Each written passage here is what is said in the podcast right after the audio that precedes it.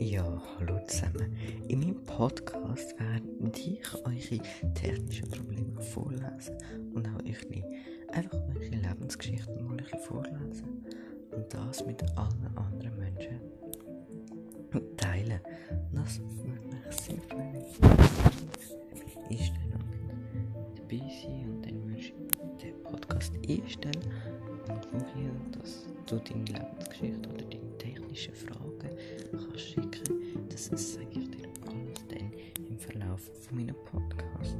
Es würde mich freuen, wenn du würdest reinlassen und als, als du auch etwas daraus lernst.